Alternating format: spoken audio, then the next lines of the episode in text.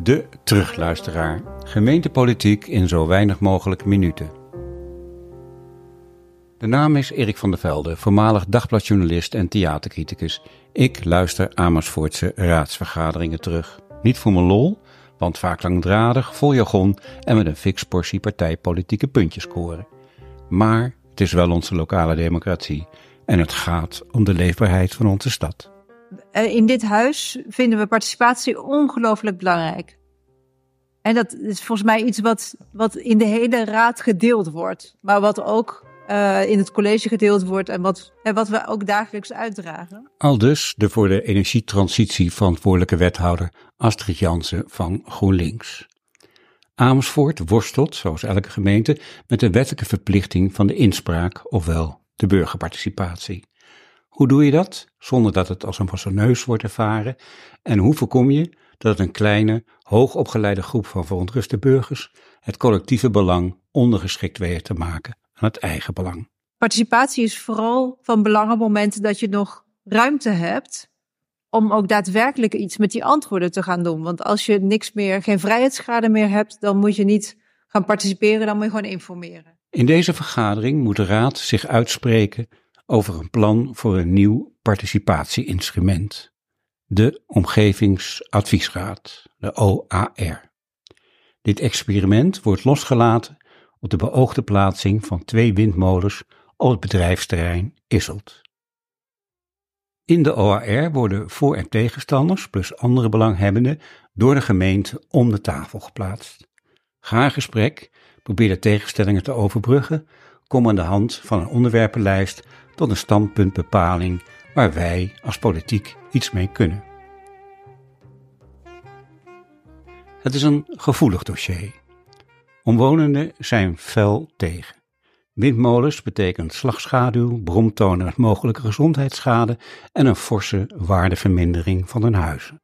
Een beter geschikt terrein heeft het college niet kunnen vinden en de tijd dringt bij het voldoen aan de gemeentelijke duurzaamheidsverplichtingen. Aan de andere kant staan burgers uit het Soesterkwartier. Zij werken al tien jaar aan het project Soesterwieken. Het doel? Exploitatie van de windmolens in eigen beheer. Het college omarmde dit burgerinitiatief dat voor de elektriciteit van 600 Amersfoortse woningen kan zorgen.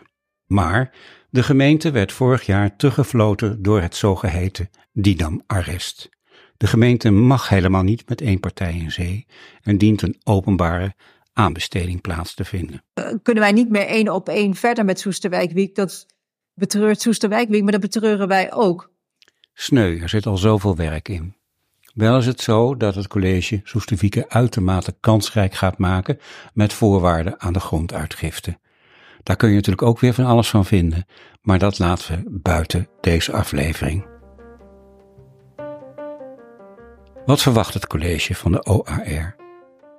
Denkt wethouder Jansen werkelijk dat burgers met zulke tegengestelde belangen er samen uit gaan komen?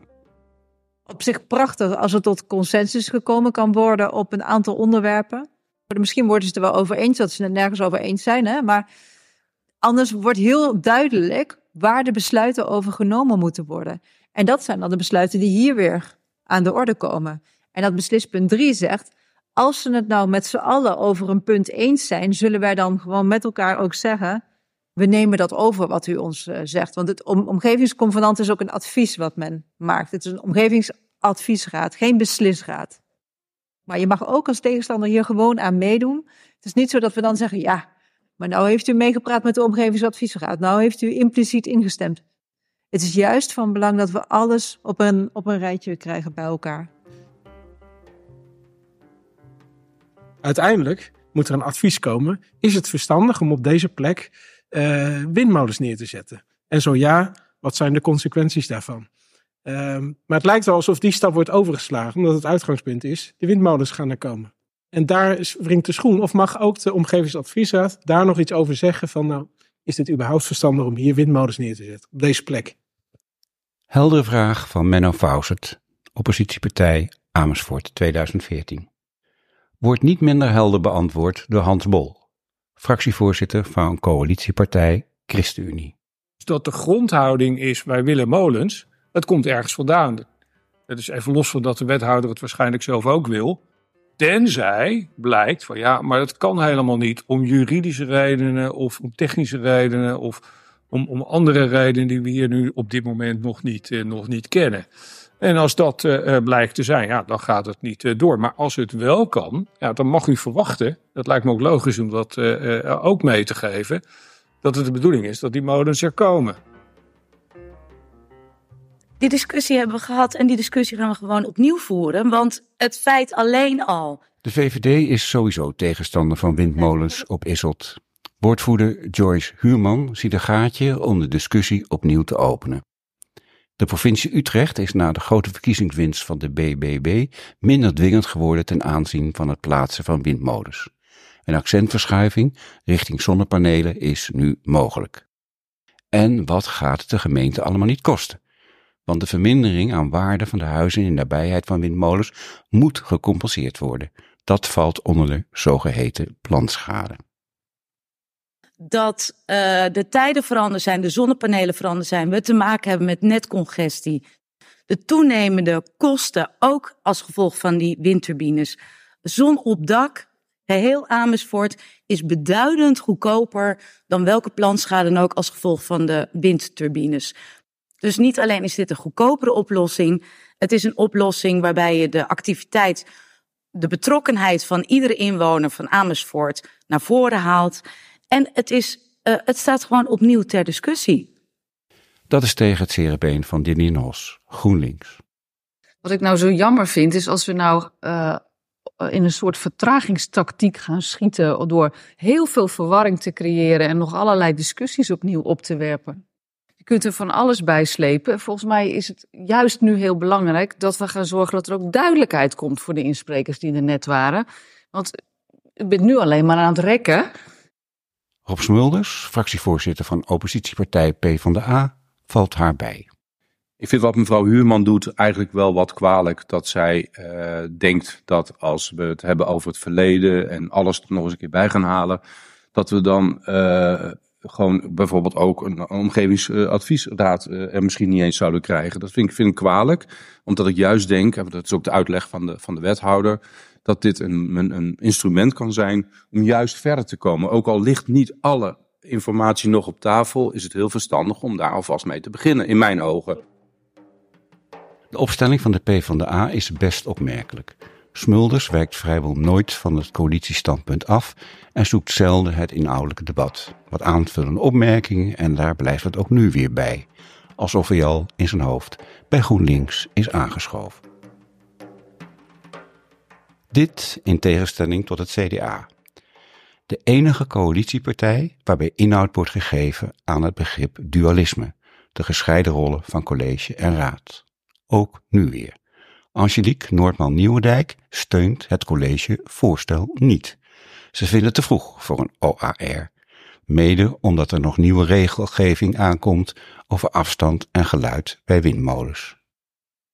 Ik snap het verhaal van we moeten de burger serieus nemen, maar als we serieus moeten nemen, dan kun je het bijna niet maken dat je dan halverwege het proces gaat zeggen, nou sorry, u heeft goed uw best gedaan, maar vanwege nieuwe eisen moeten we toch weer ontbinden. Dus dat is de reden dat de CDA toch nog blijft zeggen, het is te prematuur.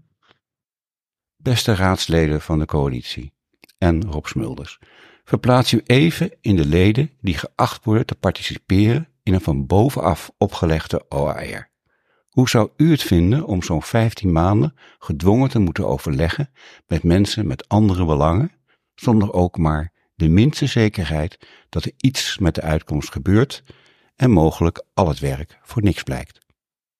Ik spreek vandaag namens het platform Stop Windplan Isselt, waarbij zijn aangesloten de Vereniging Vrij Polderland, de Vereniging Dorpsbelangen Hoogland en de bewonersgroepen uit de Isselt, Hoogland en Hoogland West omdat het college zo nadrukkelijk het laatste woord in deze discussie opeist, geeft die terugluisteraar het laatste woord aan twee van de insprekers op deze vergadering.